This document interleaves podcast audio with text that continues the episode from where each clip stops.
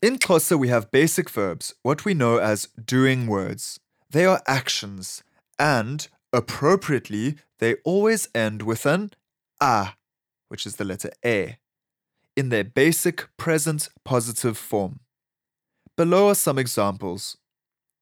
Learn, funda, talk, thetha, listen, mamela, try, zama, go, hamba, stay, sala, live, hlala, work, sebenza, do or make, enza, repeat, phinda, go home, goduka, ask, buza, want or need, funa, look, jonga, see, bona, request, cela,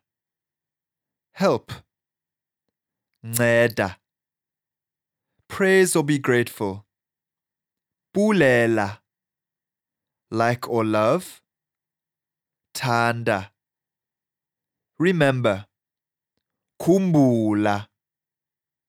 hear or perceive, va, understand, Qonda.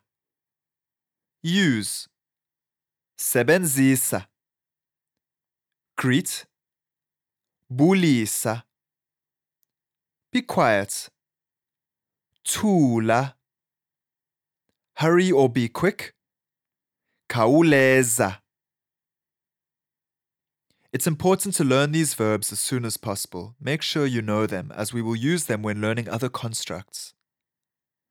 Also important when doing exercises that will follow, don't use enza, which is make or do, or the word for hear, which is va, because they work slightly differently from the rest due to them starting with a vowel, and it's recommended that you don't use them in the following exercises.